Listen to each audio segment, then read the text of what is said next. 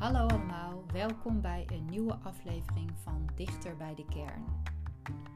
De aflevering van vandaag staat in het teken van de Poëzieweek.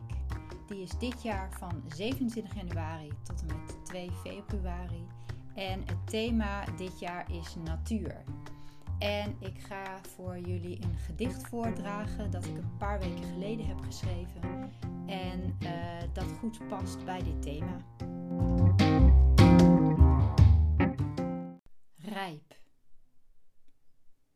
Het bos begint de winter eerder dan in de stad, waar tussen steen en beton de herfst lengt, men verwarming nog nauwelijks heeft aangehad, verklapt het knapperend witte gras dat onder laarzen kraakt, de wenken van de majesteit die zijn aanstalten maakt.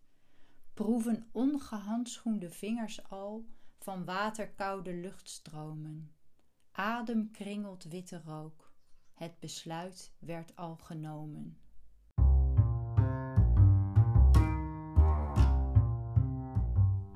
Dankjewel voor het luisteren. Ik wens je een hele mooie poëzieweek toe met veel mooie gedichten. Um, laat me weten wat je van dit gedicht vond of uh, wat je zelf een heel mooi uh, gedicht vindt dat je misschien tijdens deze week gaat ontdekken. Uh, dat kan door me een mailtje te sturen of door een voicemailbericht voor me achter te laten via de website van het podcastplatform Anchor. Ik wens je een mooie week en tot de volgende aflevering.